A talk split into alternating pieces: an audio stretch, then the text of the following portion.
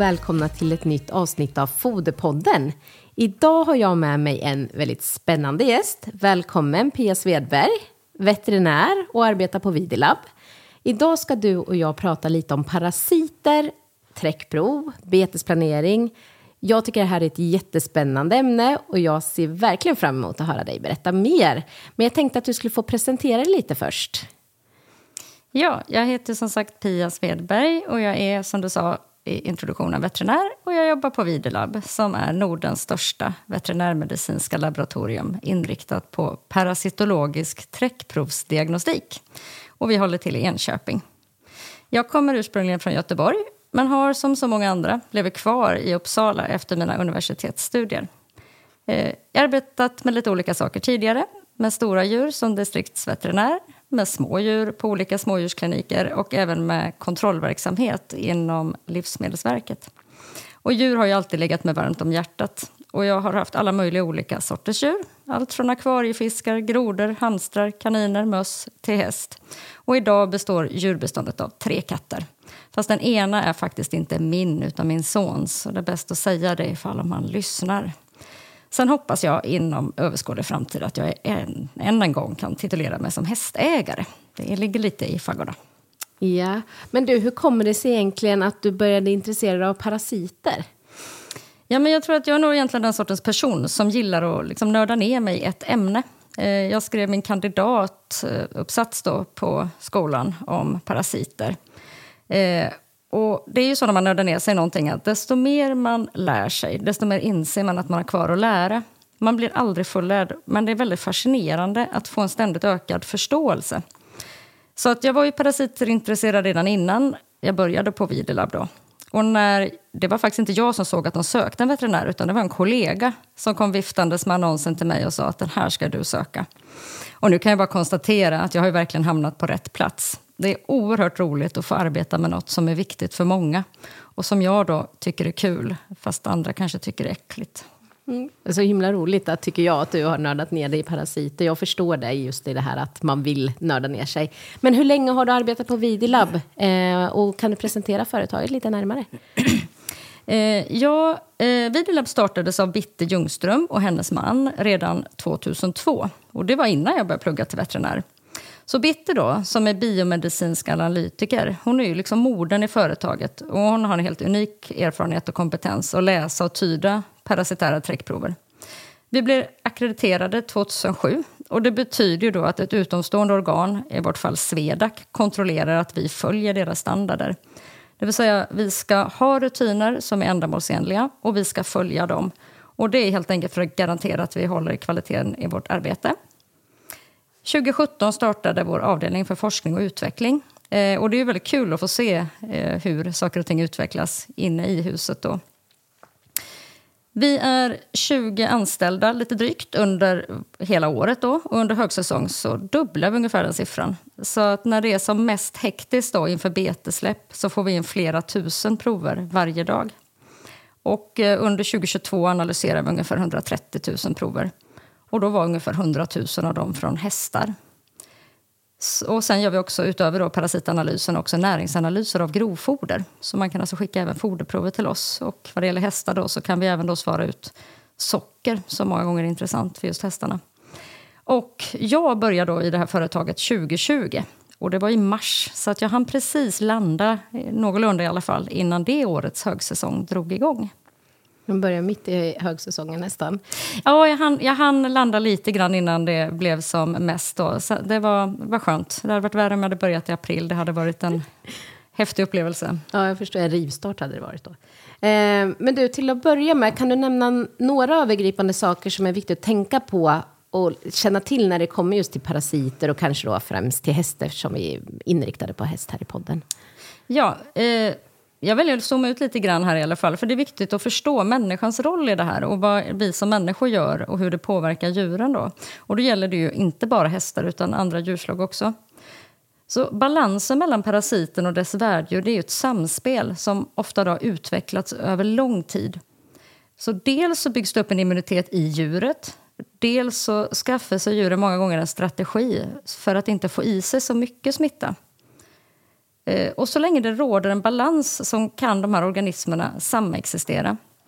För det är ju egentligen en dålig strategi för parasiten att ha ihjäl sitt värddjur.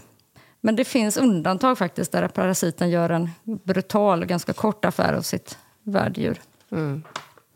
Så problemet då, det uppkommer ju när balansen rubbas. Det är ju då ofta så, det vi ser då, det är när människorna rubbar balansen genom att vi till exempel då vill flytta djur från en miljö till en annan. Eller när vi begränsar djurens handlingsutrymme i att själva undvika smittan. Till exempel då när vi sätter upp staket.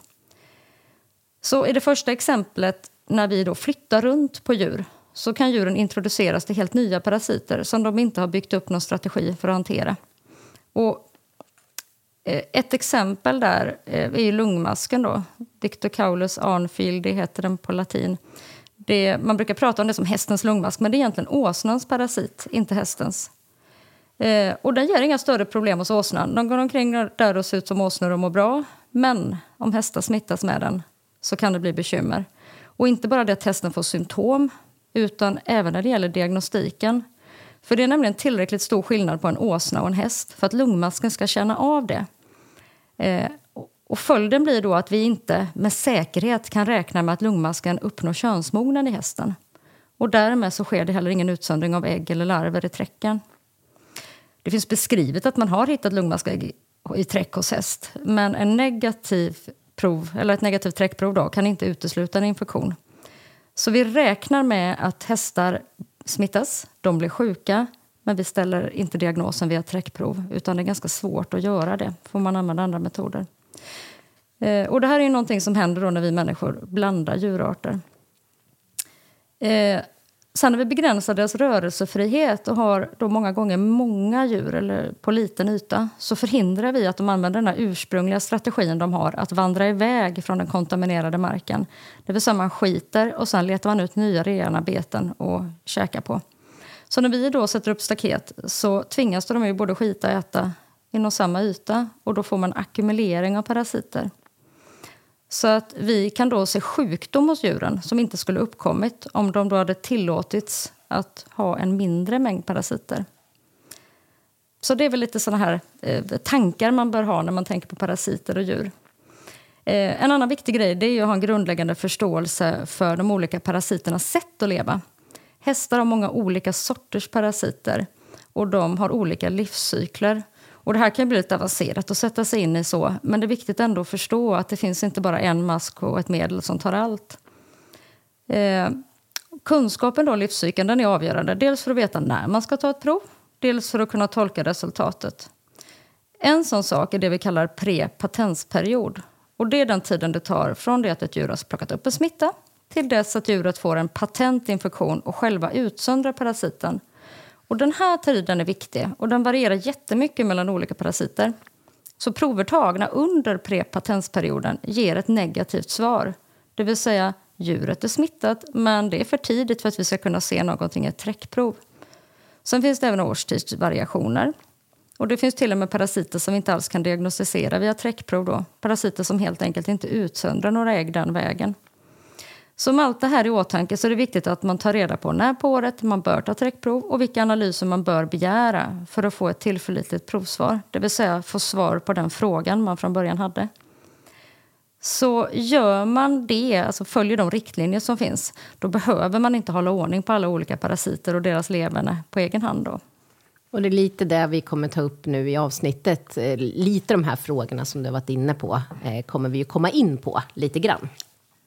Men om vi börjar med vilken är de vanligaste förekommande parasiterna hos häst skulle du ändå säga som, som ni diskuterar? Eller?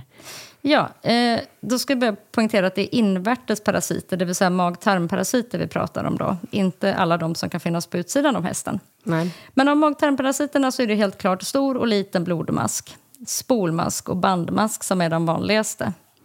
Eh, Spolmask är den unga hästens bekymmer. Hästarna blir immuna med åldern, så vi ser den sällan hos vuxna hästar. Undantag finns och då är det någonting med immunförsvaret som inte har funkat som det ska. Sen har vi bandmask, förekommer hos alla åldrar, men det är ofta samma häst som plockar upp och utsöndrar den när man tittar på flera hästar som går i samma hage. När det gäller blodmask så räknar vi med att alla hästar har lilla blodmasken men att utsöndringen många gånger är låg. Och när vi pratar om vanlighet här då så alla hästar har liten blodmask och det är också helt naturligt att hästar utsöndrar olika mängder ägg i träcken trots att de går i samma hage och har gjort det över lång tid. Eh, och det här är någonting som jag väldigt ofta får frågor om. Just det här att hur kan de ligga så olika och varför ska man behöva ta prov på alla hästar? Eh, de har ju gått i samma hage i så många år. Och det är ju som sagt så, det vanliga är att de ligger väldigt olika. Eh, och det beror på olika faktorer då som immunförsvar, ätbeteende, rang, hälsostatus, eh, ålder med flera faktorer. Ranglåga hästar tvingas ofta äta nära rater, det är alltså gräset runt avföringshögarna, i större utsträckning än vad ranghöga hästar tvingas göra. Vissa hästar glufsar i sig allt som finns oavsett rangposition. De dammsuger hagen och ligger ofta högre än sina hagkompisar. När jag pratar med våra kunder då så är det inte ovanligt att det är tio hästar. Nio ligger lågt och en tio ligger högt. Och så är man ängslig för det här. Och det är inte ovanligt att det då är en matglad ponny som är duktig på att föda sig. Mm. Eh, det ser ju inte jag, jag säger bara namnen, men det är ofta det. Jag ser ett mönster där. Eh, och sen är det ju så här att det spelar ingen roll vilken position man har i rangordningen eller hur frisk man var från början. För i varenda grässtrå fullt med larver så kommer hästen att fylla magen med smitta i varenda tugga. Och där kommer ju människan in då. Hur, hur vi kan försöka hjälpa till och förebygga det. Um, är det någon av de här parasiterna som du har nämnt som du tycker det är extra viktigt att man ska hålla koll på? Ja, ska jag välja en så blir det ju självklart den stora blodmasken, Strongylus vulgaris. Eh, det är helt klart så. Det är den mest patogena, alltså sjukdomsframkallande, av hästens parasiter. Och det är på grund av att den sortens stora blodmask, det finns tre sorters stor blodmask hos häst, men det är den här Strongylus vulgaris vi menar när vi pratar om stor blodmask. Parasitens larver är problemet, för de lämnar tarmen och kravlar iväg till blodkärlen som försörjer mage-tarm. Det är alltså en avgrening från aortan, kan man säga. Det är deras predilektionsställe, det är dit de ska. Och när de då sitter i kärlväggarna i detta kärl så orsakar det irritation och inflammation. Och där har vi egentligen problemet. Ungefär två veckor efter hästen är smittad så hittar vi larver där. De huserar där i cirka fyra månader. Och under den här perioden då så är det risk att hästen får blodproppar till exempel. Det kan bli hel avstasning av hela tarmavsnitt då, när blodet inte kommer fram. Så att när det blir problem så blir det allvarliga problem och vi har jättesvår, alltså det är dålig prognos att rädda de här hästarna. Eh, det skulle jag kunna prata om hela dagen, men jag avrundar lite där. Men som sagt, det är den viktigaste. Och det som är viktigt att veta här det är att den stora blodmasken har en lång livscykel. Det tar mellan fem och en halv och sju månader för den att bli könsmogen och börja producera ägg. Och för att vi ska kunna hitta ägg i träcken så måste det alltså finnas könsmogna maskar i hästens tarm. Tas provet tidigare så får vi ett falskt negativt resultat. Och Det var det jag nämnde tidigare, där med predelektionstid. Då. Mm. Det vill säga, hästen kan vara smittad, ha larver i sin kropp men ännu inga ägg i träcken. Så det är klart den viktigaste masken att hålla ordning på. Vad kan man se hästen. för symptom på hästen så konkret? man får inte automatiskt symptom bara för att man får en infektion med stora blodmasken. Det är mm. inte så att det går att se bara man går ut i hagen och tittar på hästarna.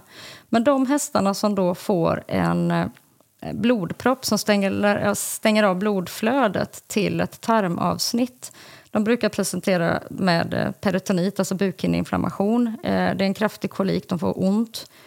Och det luriga med de här är att hästar som får peritonit av okänd anledning, de kallas idiopatiska, de har väldigt stor chans att rädda med rätt vård. Det vill säga, de allra, allra flesta går hem med medicinsk behandling.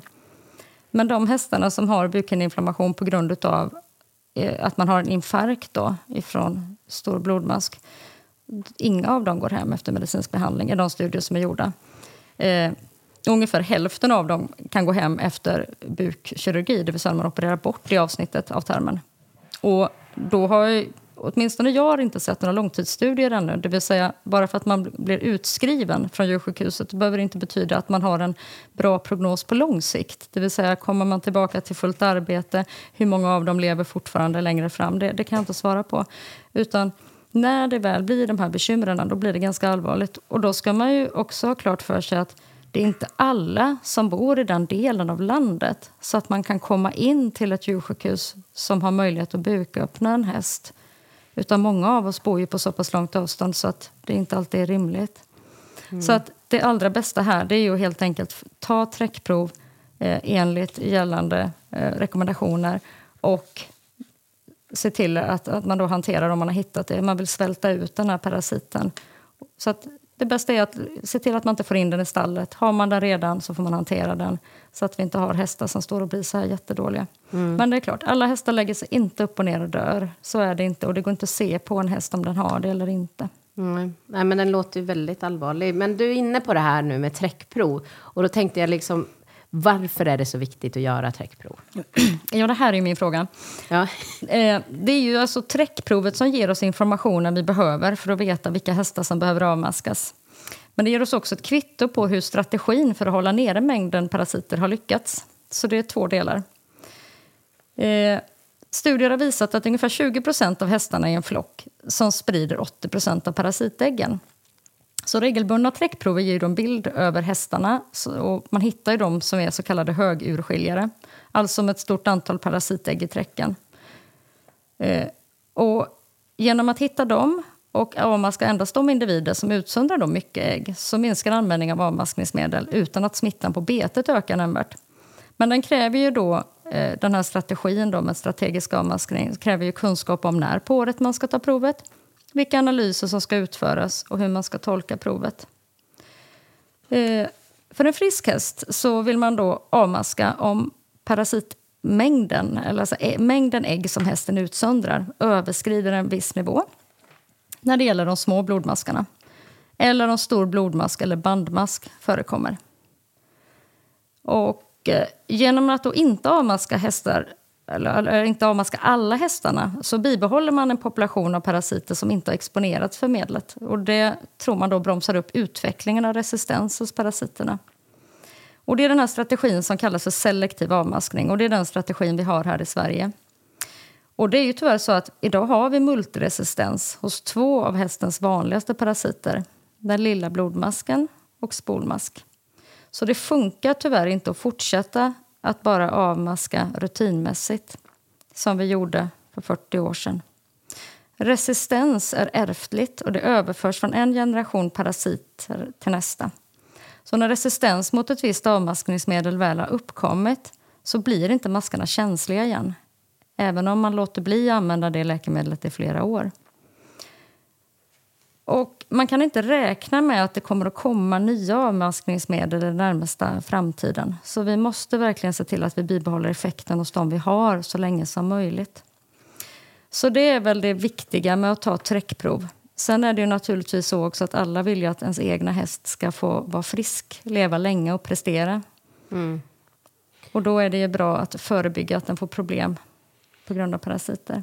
Många kan ju bli lite oroliga just, ja men min häst skulle inte avmaskas och så, men har man inte sett då förekomst i träcken så behöver man inte vara orolig. Men, eller en liten förekomst eller då förekomst? Ja, eh, i stort kan man tänka så. Framförallt handlar det om att man då regelbundet tar träckprov på sin häst så att man får en trend, så att man ser hur hästen brukar ligga. Sen är det ju naturligtvis så, har man fått tag i en häst med okänd mm. eh, historik, man vet inte hur det är.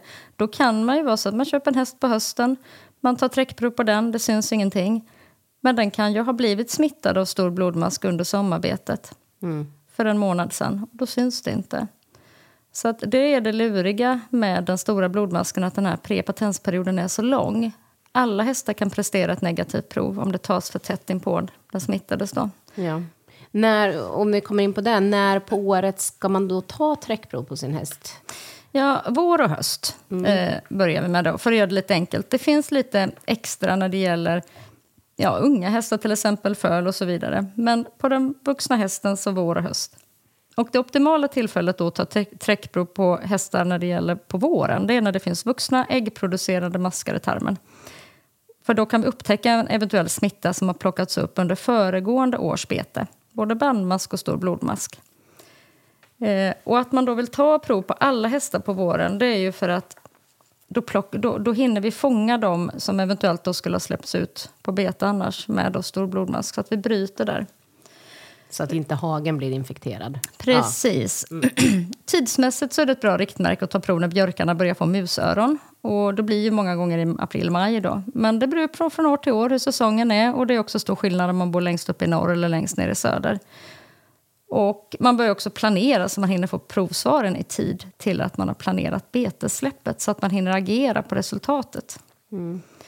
Eh, på våren rekommenderas grundanalys. Det är alltså när vi räknar mängden ägg. Då får man en mängduppskattning på blodmaskägg och man får då även på spolmaskägg. Sen rekommenderas tillägg av odling när det gäller då stora blodmasken och bandmask på alla hästar. Det är en generell rekommendation.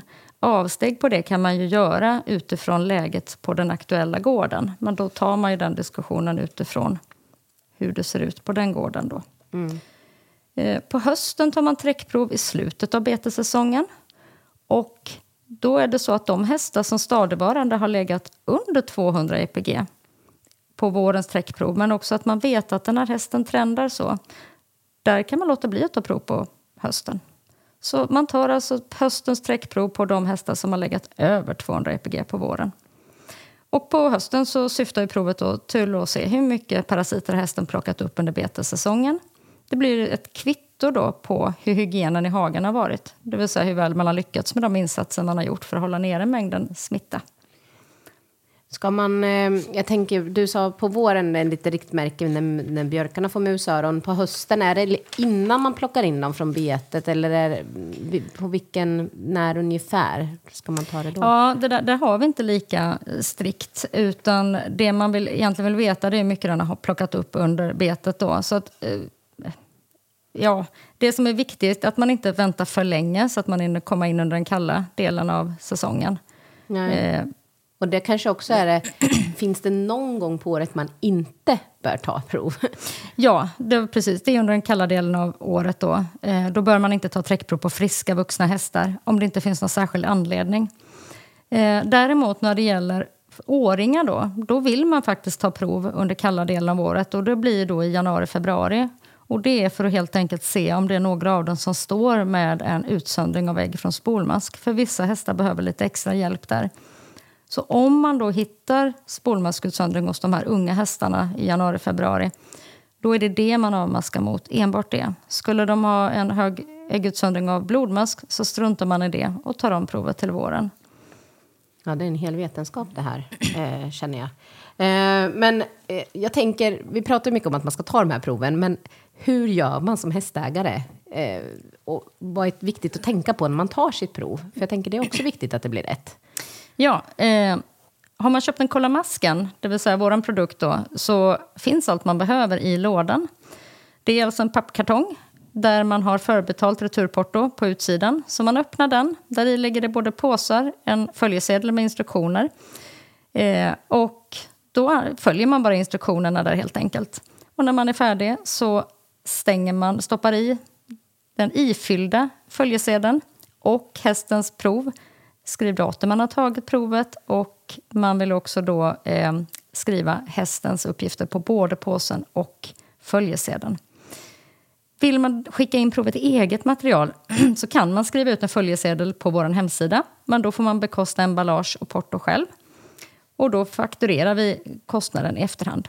Har man det vi kallar storstall då, eller att man är många i stallet som går ihop och tar träckprov tillsammans så får man gärna höra av sig till oss. För då har vi såna storpackslösningar med sån här eh, storpackspris. Det blir billigare per analys då. Så det går bra att man hör av sig så sätter vi ihop speciallådor. Rekommenderar man att man gör det tillsammans? Om man säger att ni har ett stort stall, är det rekommendationen att man liksom ser till att göra det här enhetligt på alla hästar? Så att säga? Ja, ja, oavsett, ja, absolut. Eh, mm. Sen om man gör det var för sig eller man gör det ihop, det, det kan man välja själv. Det är ju olika vad som fungerar. Eh, går man ihop flera stycken hästägare tillsammans med en låda så ska man ju veta att den som är som står på följesedeln, den äger resultatet. Vi, man kan inte ringa in till oss och be om att få resultatet för sin häst om det är inskickat av en annan person. Så väljer man den vägen då att få ner priset lite grann så får man också samsas och eh, eh synkronisera sina provtagningar och skicka in samtidigt och så får man dela svaren med varandra. Då.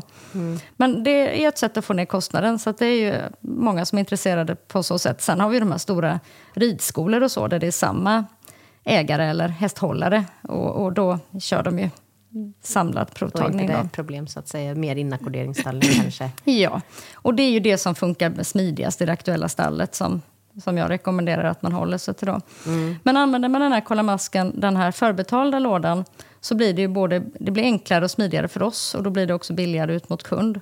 Och på våren då, då rekommenderar jag vår låda som har en röd klisteretikett som man hittar i vår webbshop. För då har man både grundanalys, bandmaskanalys och odling för stor blodmask som ingår i den lådan. Och den finns också i olika storlekar för olika antal hästar. Så man kan köpa en fyrpack med röd etikett. Då har man med alltihopa. Vill man av någon anledning inte ta bandmaskanalys så finns det med en grön etikett. Då ingår odling och grundanalys. Så att man kan gå in och titta i vår webbshop och beställa så att man har betalt och fått färdigt allt på en gång. Och vi har heller ingen bäst före-datum på våra lådor. Så skulle man glömma den och hitta den nästa år så är det inga problem. Det är bara att använda. Superbra. Det är ett jättebra system, eh, måste jag säga. Och enkelt för en som hästägare att använda. Men då kommer vi ihåg det, att eh, röd etikett är det som rekommenderas här på våren i alla fall. Eh, men jag tänker på eh, när provet sen kommer till er på Vidilab. Vad händer där? Ja, eh, jag ska bara eh, flika in lite här nu. Det är lite grann med hur man tar träckprovet. Det finns på vår hemsida också.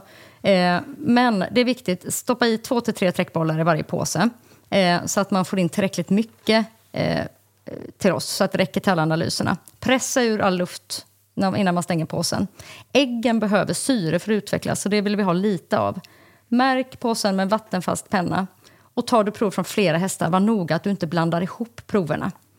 Följ sedan och skriv tydligt. Särskilt mejladressen är det tacksamt om man skriver väldigt tydligt. Eh, för det är en utmaning att tyda det där ibland.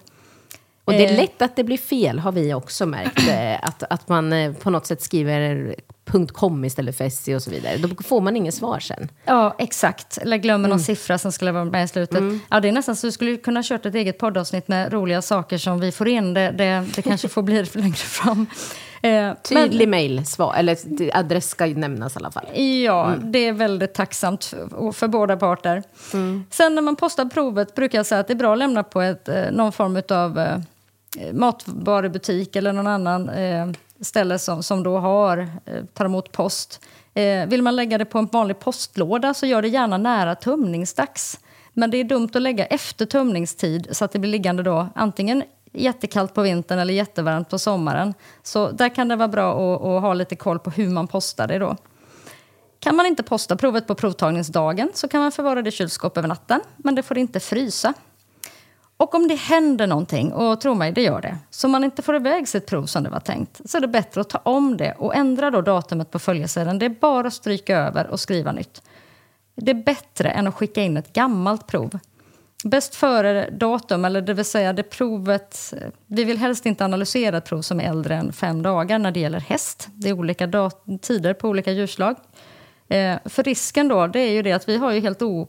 Vi har ju ingen koll alls vad som händer på posten. Så om provet har legat då varmt, fuktigt med tillgång till syre så börjar äggen kläckas och då får vi falskt låga värden. Sen bör man också ta hänsyn då till om det är några röda dagar i veckan och så. Och är man osäker så är det bara att man hör av sig till oss. Proven brukar komma fram dagen efter, men det kan ta flera dagar också. Ja, det där är ju klart eh, när en, tredje part är inblandad också. Ett fraktbolag som ska se till att skicka proverna. Men om man kan underlätta då, eh, precis som du säger, lägga innan tömning och ha lite koll på när det töms ja. och så, så. Och skicka då måndag eh, till onsdag en vanlig vecka utan röda dagar. Det brukar fungera. Och skulle det trots allt det ändå bli alldeles tokigt. Det händer ju att folk har gjort allting rätt och vi får fram provet till oss två veckor senare. Då bjuder vi på en ny analys. Mm. Men eh, Följ, följ de här instruktionerna så funkar det i de allra flesta fall. Jättebra tips måste jag säga. Ja. Super. Sen undrar du lite vad som händer när provet kommer till oss. Mm. Eh, arbetsdagen hos oss börjar med att vi åker iväg till Postnord och hämtar dagens skörd av prover. Det är vår anpassning till postgången. Annars skulle de leverera dem till oss senare under dagen och det blir inte så bra då. Sen är det så provingången varierar ju under året i takt med betessäsong och jordbrukets aktiviteter. Så nu under högsäsongen då får vi in flera tusen prover varje dag. När proverna kommer till oss så sorteras de utefter vilken typ av prov det är. Prover från hästar sorteras vid sina egna stationer. Liksom smådjur som hund och katt och andra djursorters prov sorteras och, och sen packas upp på varsin bänk. Då. Eh, när provet packas upp kontrollerar vi vilka analyser som har beställts. Varje prov med tillhörande följesedel tilldelas en etikett med ett unikt labbnummer och streckkod. Och på så sätt kan vi alltid spåra provet och hålla koll på att rätt information registreras för rätt prov. Och sen har olika provtyper olikfärgade etiketter. Så prov från hästar kan antingen ha en vit eller en blå etikett. Det beror på om det är en singellåda, eh, alltså en enpackslåda, eller om det är en flerpackslåda det kommer ifrån. Därefter registreras all information in, eh, som då finns på följesedeln, i vår egen databas som heter Digero. Och där, sen då så håller själva då dataprogrammet koll på vilka analyser som har beställts för respektive prov. Eh, I samma dataprogram registreras sen även resultatet av analyserna och en rapport genereras och skickas ut till kunden. Och om man ska ta lite kort om de olika analyserna vi gör så har vi det vi kallar för grundanalys. Det är en kvantitativ räkning av ägg från mag-tarmparasiter. Och den går i korthet ut på att man väger upp en bestämd mängd träck, behandlar den så att äggen flyter upp till ytan och kan fångas upp. Det är en flottationsmetod. När äggen fångats upp så räknas de i en så kallad McMaster-kammare. Och man då kan, kan då räkna om så man får en mängduppskattning i EPG, ägg per gram träck. Eftersom man då hade en känd mängd träck från början i sitt prov. Bandmaskanalysen bygger också på en flottationsprincip men där behandlas provet på ett annorlunda sätt innan det läses av. Eh, det är en kvalitativ analys som alltså inte ger svar på mängd utan svaras ut som förekomst eller ingen förekomst. Det är en krångligare metod, den tar längre tid men det krävs eftersom bandmaskäggen är mindre jämnt fördelade i träcken. Så med den här speciella bandmaskmetoden hittar vi ägg hos 90 av de hästarna som har fler än 20 bandmaskar i tarmen. Och hästar som har färre än 20 bandmaskar i tarmen har heller inga symptom eller problem. Det händer att vi hittar bandmaskar i grundanalysen och då bjuder vi på det. Då svarar vi ut det. Och det är också något jag får frågor om ibland när man då får svar att hästen har bandmask fast man inte har beställt den analysen. Men som sagt, vi har 90% chans att hitta positiva hästar med den här speciella metoden. Grundanalysen, där, där är procenten riktigt låg. Men ibland händer det. Odling för påvisande av stor blodmask det är också en kvalitativ analys som då alltså inte ger svar på mängden eh, utan då svaras ut som förekomst eller ingen förekomst. Och odlingen den går egentligen ut på att man lägger äggen, Eh, vi pysslar om dem lite, vi lägger dem varmt och fuktigt så att äggen kläcks. Ut kommer larver och det är larv nummer e- tre, L3, som vi då eh, skördar och tittar på i mikroskop.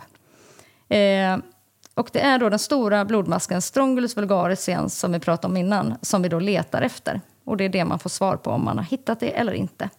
Odlingen tar lite tid. Det är som att kläcka fram kycklingar. Eh, så svaret kommer 7 14 dagar efter det att odlingen då är satt. Och har man beställt odling i sitt prov så står det på sitt preliminära provsvar när man då får svar på hur många EPG vi har hittat så står det också att odlingen är satt och vilken vecka man förväntas få svar. Men det här rekommenderar ni att man gör varje vår i alla fall? Ja, den allmänna rekommendationen är mm. ju att man gör det här varje vår på alla mm. hästar. Mm. Det, det, är så mycket enklare än att hantera det efteråt. Men det är klart, bor man isolerat i skogen, man har testat bandmask i alla år och det har inte hänt någonting nytt och man åker inte iväg och gör någonting med sina hästar, inga nya hästar in. Det är klart, då kanske man vågar hoppa över det någon gång, men då, då ska man ju vara medveten om hur det fungerar och att man väljer att frångå rekommendationen. Mm, mm. Men nu, hur ska man tolka de här provsvaren som man får sen? Ni ger rekommendationer kring hur man ska tolka det, eller? Ja, det finns eh, allmänna riktlinjer då. Eh, att man vill då avmaska hästar som ligger över en viss EPG-nivå. De som har stor blodmask eller bandmask. Eh, men sen behöver man också, för att tolkningen är ju inte bara det här att avmaska de som ligger på de här värdena, utan det handlar om andra saker också eh, som man behöver ta med. Då. Det går egentligen att utveckla hur långt som helst. Men det man bör ha klart för sig, det är det jag sa innan med prepatensperiod. Eh, Det går inte att säga att en häst inte har stor blodmask bara för att provet är negativt. Utan där måste man ju räkna med flera saker. Då. Har hästen levt i samma hage i tio år och nu tar vi ett prov och det är negativt, ja då har den förmodligen inte stor blodmask. Har den däremot varit på bete för alldeles nu under sommaren och så tar man prov en månad efteråt, ja då har vi ingen aning om den har blivit smittad under betet. Det är sådana saker får man också ta med. Tid på året, låga värden, vintertid, ja det säger inte så mycket. Den hästen kan ju ligga med en hög äggutsöndring till våren. Sen är det också ålder på hästen eh, och senaste avmaskningen. Har man köpt en häst som har fått i sig ett avmaskningsmedel som tar stor blodmask och den avmaskade för två månader sedan, sen har gått på smittad mark, ja, då är den troligt kan ju vara smittad igen. Då. Så att man får ju resonera kring lite olika sådana saker. Då. Mm. Sen en annan viktig sak när man tolkar provsvaret då, det är ju den grundanalysen när vi räknar ägg. Det minsta vi kan hitta det är ett ägg och det räknas ju då om till 30 EPG, det är vad det motsvarar. Ser vi inget ägg där så svarar vi ut det som parasiter ej påvisade. Och det innebär ju då att hästen utsöndrar under 30 EPG, det vill säga under vår detektionsnivå. Det betyder inte att hästen är fri från parasiter. Och stora och lilla blodmasken lägger identiska ägg. Det går inte att se skillnad på dem. Det finns en mängd olika små blodmaskar. Det är ett ja, 50-tal totalt i världen. Vi ser 10-15 av dem i Sverige. Och det finns ju som sagt tre stycken stora blodmaskar. Alla lägger likadana ägg. Så när vi räknar äggen och man får svar då att parasiter är påvisade så är det ju lätt att tro, ganska vanligt, att folk tror att nej, men då kan han inte ha stor blodmask heller, för den hade ju inga ägg. Och tyvärr är det så. Det är inte alls omöjligt och det är dessutom, eller tvärtom, rätt vanligt att vi hittar stor blodmask hos de här hästarna som ligger så lågt i sin äggutsöndring. Så då har de alltså en liten utsöndring men de har fel sorts mask. Så det är jätteviktigt att man odlar på alla hästar oavsett vad de har för äggutsöndring. Då. EPG-värdet är inte relevant här utan man vill göra det på alla. Finns det förekomst och ska det odlas? Så att säga? Ja, alltså eh, förekomst, då har man ju redan odlat. Yeah. Ja, och hittat stor blodmask, eller om det är bandmask. Det är de två som svaras ut på det viset. Utan man, vill man ska alltså beställa odling på alla hästar redan från början. Okay. Inte göra en äggräkning först. Och så, för det, det händer ibland att vi får in såna följesedlar där det står att man vill ha en odling om vi hittar ägg. Och det där är så bedrägligt, för ligger då hästen så här lågt så kan den fortfarande ha stor blodmask. Och släpper man då ut den på bete så kommer den ju sprida stor blodmask på hela vetet. Mm. Så det är opedagogiskt att... Eh, ja. Alla ska odla? Alla ska ja. odla, yes. Jajamän. Det var bra, det känner inte jag till. Toppen. Mm. Eh, när avmaskar man sen hästen då? Är det någon generellt råd där eller? Ja, precis. Nu har vi varit inne på det lite grann här då. Eh, så att man kan ju säga att man avmaskar när det föreligger ett behov och bara då. Mm. Så rekommendationen är att avmaska hästar som då utsöndrar över 200 EPG eh, samt de som har förekomst av stor blodmask och eller bandmask. Så har man då inte påvisat ägg i grundanalysen men man har hittat stor blodmask så ska den avmaskas.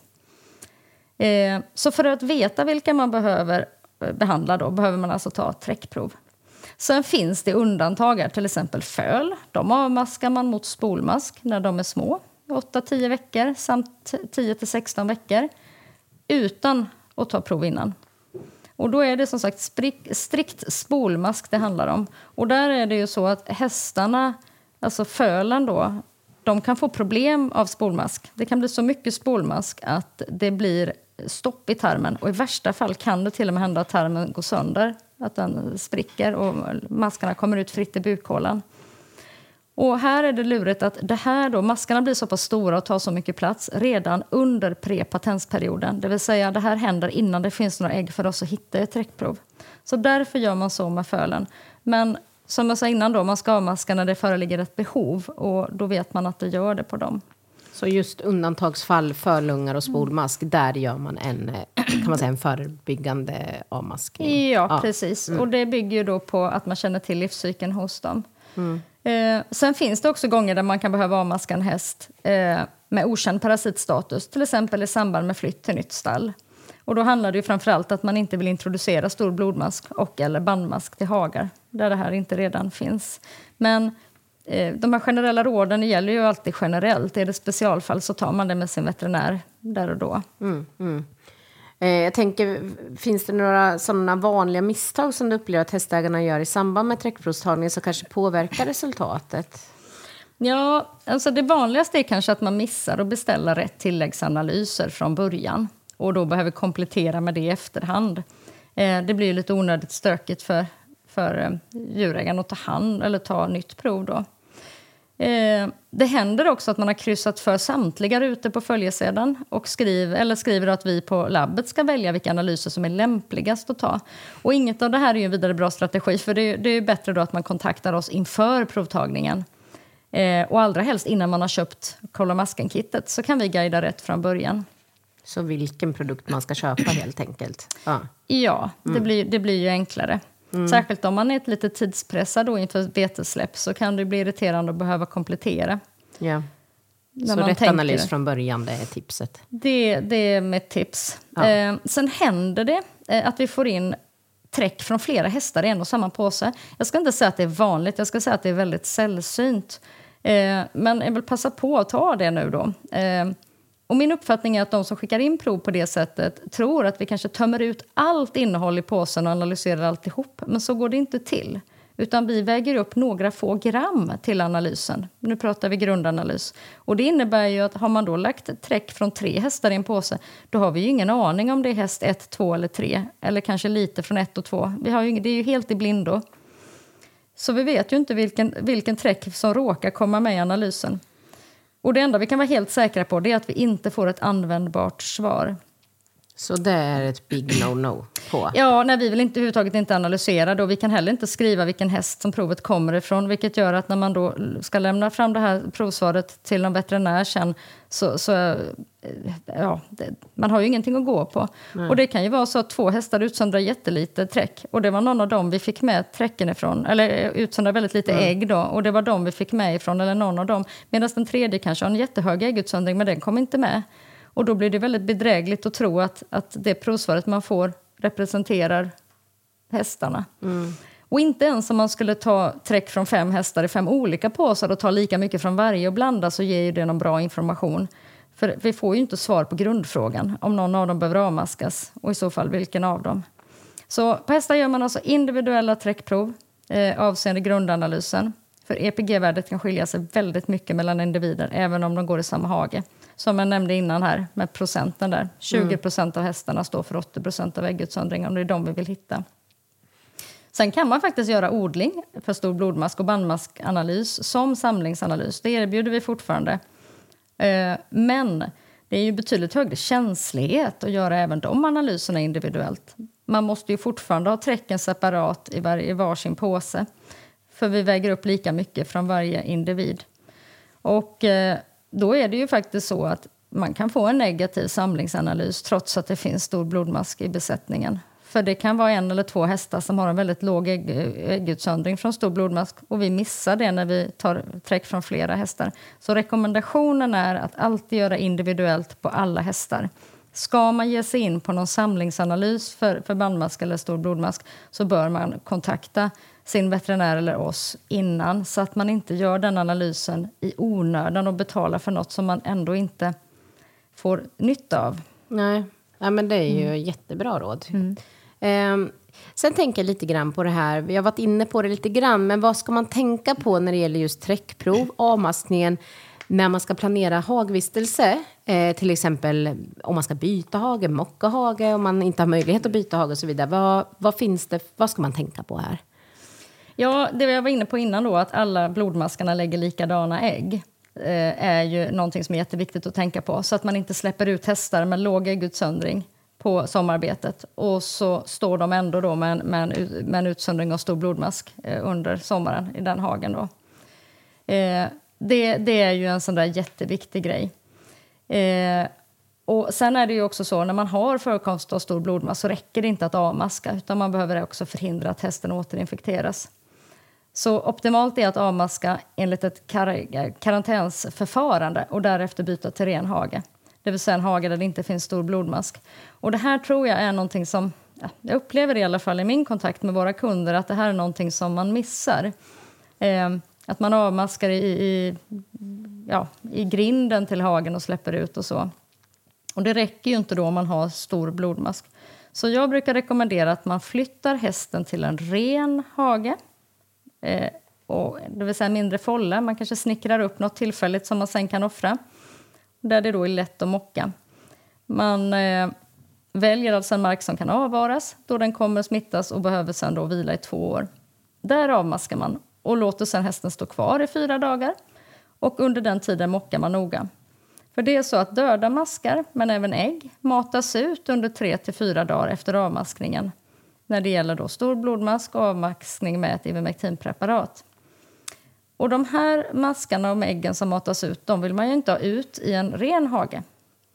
Så hästen får stå och skita ur sig och när de här fyra dagarna har passerat så kan hästen då släppas ut på ren mark. Jag skulle ju naturligtvis rengöra hovarna och till och med spola rent dem för säkerhets skull. Och det spelar egentligen ingen roll om skiten sitter under hästens hovar eller under mina skor. Eh, man vill säkerställa att man inte får med sig den här smittade träcken ut i ren hage. Mm. Så det är också mocka rent i boxen och, och, och ja. stenkoll där inne? För då är det ju så här, går hästen kvar i en smittad hage där det finns stor blodmask efter avmaskningen så riskerar den ju att återinfekteras. Så det är därför man vill ha den mellanlandningen på ren mark. Så det här är väl ett sånt tips jag har att har man konstaterat stor blodmask, ska flytta till ren hage, säkerställ att man verkligen inte tar med sig smittan till den rena hagen. För det är oftast värdefulla kvadratmeter det där med rena hagar. Mm, jag tror också att många kanske inte väntar så pass mycket som tre, fyra dagar som du säger. Utan man, mm. man tänker att ja, men, en, ett dygn kanske. Men mm. det tar ju lite längre tid än så för att hästen ska kunna, mm. allting ska passera mag och tarmkanalen så att ja. säga. Ja. Och det är just när man har stor blodmask som det är så noga. Mm. Eh, är det, är det fri, eller så har man ingen stor blodmask utan bara en hög äggutsöndring av den lilla blodmasken, ja, då är det fortfarande bra att låta hästen stå kvar och skita ur sig. Men då, då brukar vi prata om tre dagar, då behöver man inte ha den där lilla extra dagen där.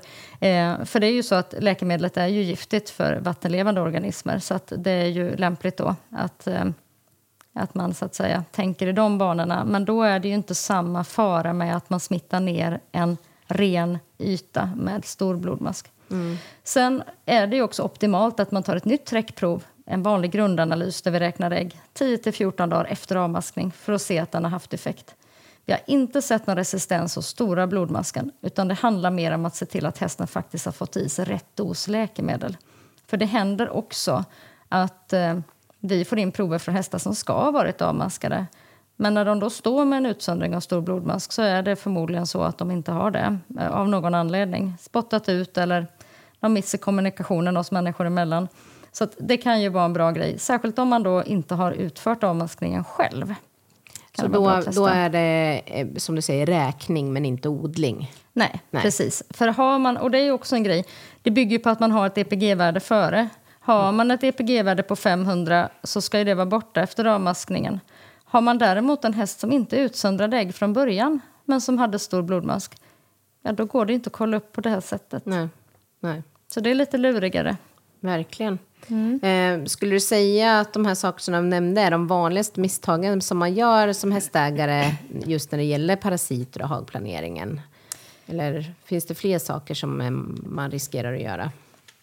Ja, jag vet inte om jag har rätt eh, underlag för att bedöma det, men, men eh, min bild är väl att det är vanligt att man inte har koll på parasitstatus i hagarna. Man fokuserar på hästarna utan att förstå att det är lika viktigt med hagens status.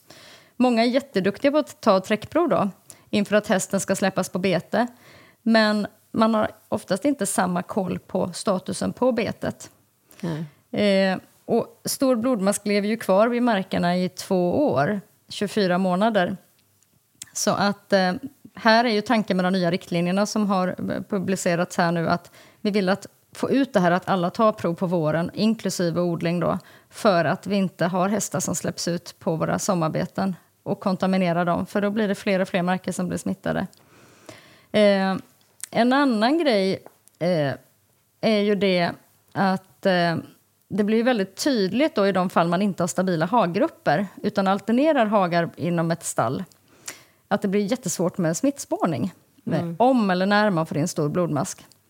Eh, och det, jag vet inte om man kan kalla det för ett misstag, men, men det brukar stöka till det. Eh, för har man då hästarna, man har sin egen häst och sin egen hage eller man har stabila grupper, de här fem hästarna går i en hage och de här tre går i en annan och det stadigvarande ser ut så, då är det betydligt mycket enklare att smittspåra spåra om man väl får in eh, stor blodmask. Byter man hela tiden så är det ju jättesvårt att kunna veta om det faktiskt är någon hage som är fri eller någon häst som är fri. Så jag vet inte om man kallar det för misstag, men, men det är någonting som jag upplever att många äh, tycker är besvärligt. Äh, att man inte riktigt Man kan... har inte riktigt koll på sin mark och vilka hagar kanske som eventuellt är rena eller inte rena och så mm. vidare. Mm. Och sen att äh, det allmänna hygientänket kring hagar då, att låta hästen gå i okända hagar eller släppa in okända hästar i sin hage. Det är sånt där som, som ja, jag kan ju tycka att det är mycket enklare att låta bli det. Är man är iväg på träning en helg så är det kanske bättre att inte låta hästen gå och beta på det stället då, för allas skull. Mm, mm. Eh, hur, hur, hur, stor eh, så säga, påverkan har mockning och hagar? Eh, hur påverkar det hästarna och parasittrycket? Eh, ja, det påverkar jättemycket. Eh, om man inte arbetar med att minska mängden parasiter på, på betet då, så, så kommer det ju helt enkelt att öka bara. Det går inte att komma runt det. Sen finns det lite olika strategier för att minska mängden smitta på betet då. Eh, och jag vet, vi kommer väl in på det lite sen också, men just mockning, det har man ju sett att när man mockar två gånger i veckan så får man eh, en helt fantastisk eh, reducering av mängden parasiter.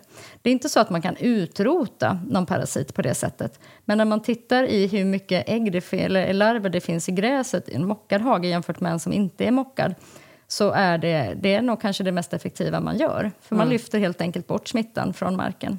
Mm, fantastiskt. Kan man se till exempel hästar som går i samma hage året om? Är de överrepresenterade eller kan man då också påverka väldigt fint med mockningen där i de typer av hagar? Eller? Ja, ja, alltså, jag har ju inte den, eller vi får inte in informationen om hästarna så att vi kan sätta ihop den informationen med resultatet från våra prover. Då. Eh, men eh, det finns ju andra som har tittat på den typen av samband. Och eh, Går man till exempel in på Hästsverige, deras eh, webbplats, då, så kan man läsa lite mer av den forskningen. Eh, men om man kommer tillbaka till mockningen där så är det ju självklart så att mockningen reducerar ju mängden parasiter extremt bra och då, oavsett om de går i samma hage året runt. Sen råder man ju inte till att man har samma hage då. Eh, och mockningen ska också sägas då, på tal om det här med året runt, då, att det är ju kanske allra viktigast att mocka sommarhagen. För det är när det är varmt och fuktigt som äggen kläcks och det går ju ganska fort för, för blodmaskäggen upp ungefär en vecka. Mm. Medan på vintern när det är minusgrader då utvecklas inte äggen överhuvudtaget. Så då har man mer tid på sig, då kan man ju mocka mera sällan. Eh, nackdelen är väl att skiten kan frysa fast då. Men, men har man en hage som man strikt använder bara när det är riktigt kallt och sen flyttar man bort hästarna när det börjar bli, bli varmt, då kan man ju mocka den lite senare. Så det får man anpassa efter hur man, hur man lever så att säga. Mm, mm. Um, jag tänker också hur, eh, på, alltså, typen av stall. Hur, för, eh, hur påverkar det förekomsten av parasiter? Eh, ser man någon skillnad mellan hästar som står i mindre stall och jämfört med inackorderingsstall till exempel där det är en väldigt hög omsättning på hästar? Ja, alltså vi, eh, vi ser ju inte eh, den statistiken då heller, var, var de kommer ifrån så, så att vi kan ta ut det. Och det, det kan ju finnas annan bias också. Men man kan säga att ju fler kontakter, ju större risk för smittöverföring. Och det gäller ju alla smittor. Mm. När det gäller parasiter så är det ju så i de flesta fall att smitta sker via träcken och därmed så finns ju då smittan i hagen. Men den kan ju även finnas i diket där man kanske stannar och låter sin häst beta under ridturen. Så i ett område där väldigt många hästar är och rör sig, där det är mycket skit i dikena, så ökar risken såklart att någon av dem har stor blodmask jämfört om man rider på ett ställe som när jag hade häst uppe i fjällen. Då var det bara jag som hade häst där uppe och det var i väglöst land och det, det fanns ingen hästskit att hitta någonstans. Däremot fanns det från björn och annat spännande. Eh, så det är klart att antalet hästar per yta spelar roll. Mm. Men vi kan inte dra, den, vi kan liksom inte dra de eh, slutsatserna eh, i, i vår statistik. Då. Eh, för vi vet ju inte hur hästen är uppstallad när vi får in provet.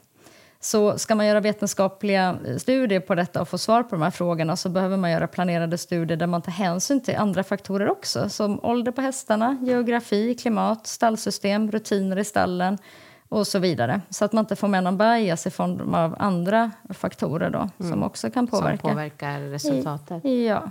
Eh, vi har varit inne lite grann på det här också, men jag tänker så här, fin- har du något särskilt råd när man köper en ny häst eller om det flyttar in en ny häst i stallet? Vi pratade lite om att man inte vet om, om, om man blandar väldigt mycket, men har ni någon så här, vad ska man säga, så här bör det gå tillväga just med avseende på parasiter när man tar in en ny häst i stallet? Ja, det finns ganska väl beskrivet, dels på den här sidan Hästsverige som jag eh, nämnde då, eh, med eh, karantänsråd. Eh, så man bör ju alltid ha en ny häst i karantän enligt gängs- gängse rekommendation med tanke på andra smittsamma sjukdomar. I synnerhet om man har dräktiga ston i stallet, för då finns det ju andra smittor som man inte vill exponera dem för. När det gäller parasiterna så bör man ju kolla upp historiken på den hästen som ska in i stallet. Be att få se träckproven. Kan man inte få tag i den informationen så får man ju betrakta parasitstatusen som okänd och behandla hästen därefter. Eh, och det ideala då det är ju att man tar prover men betänk att hästen kan vara under den så kallade prepatensfasen. Och en så kallad flyttavmaskning kan bli aktuell och denna bör då planeras så att hästen inte ges möjlighet att återinfekteras av eventuell smitta så som jag beskrev tidigare. Då.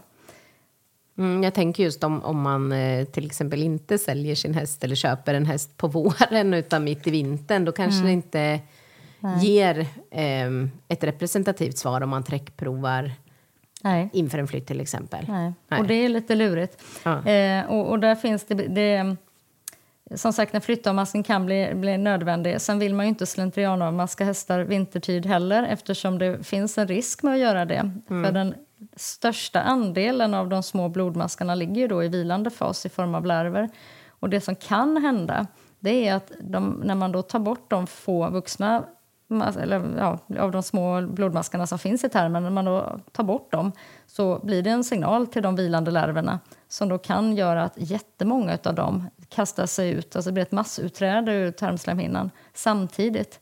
Och då får man en väldigt trasig tarm och kan få då diarrésjukdomar eh, som inte alltid går att rädda hästarna ifrån. Det är inte jättevanligt att vi ser det i Sverige, men det förekommer och det är ju oerhört onödigt att utsätta hästen för den risken om man inte behöver det. Mm.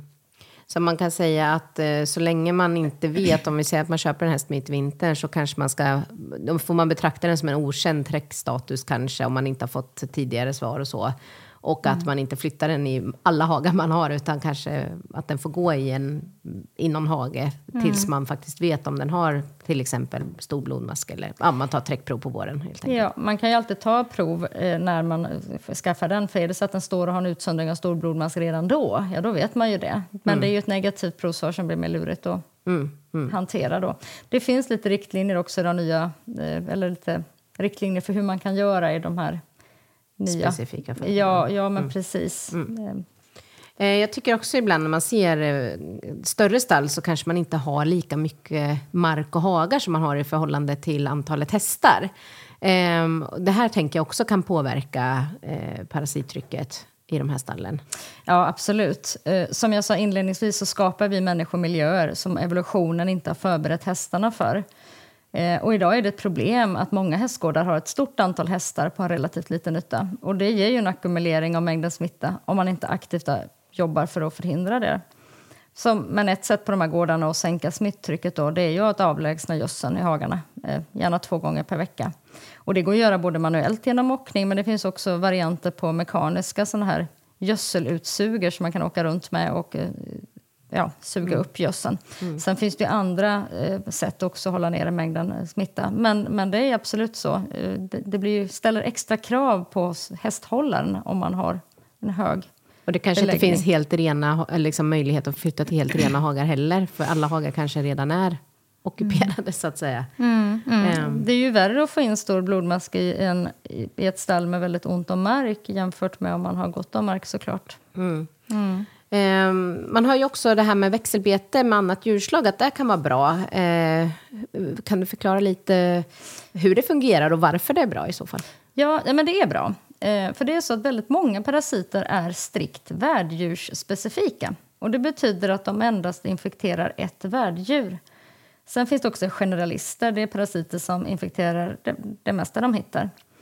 Men de, här, de flesta av hästens parasiter är ju då strikt värddjursspecifika. Och det betyder ju då om ett annat djur, till exempel ett får, betar i hästhagen så kommer de att konsumera hästarnas parasiter. Men de kommer inte att bli infekterade. Det vill säga den parasiten får inte fäste i fåret utan den passerar bara ut igen. Och på detta sätt så kan ju då mängden parasiter minskas genom att man låter olika djurslag beta där växelvis. Och det blir ju samma sak då att hästen kommer att äta i sig av fårens parasiter och på så sätt minska mängden av dem. Men även sambete, eh, där olika djurslag går i hagen samtidigt, eh, det minskar ju också mängden parasiter för, för båda djurslagen. Då.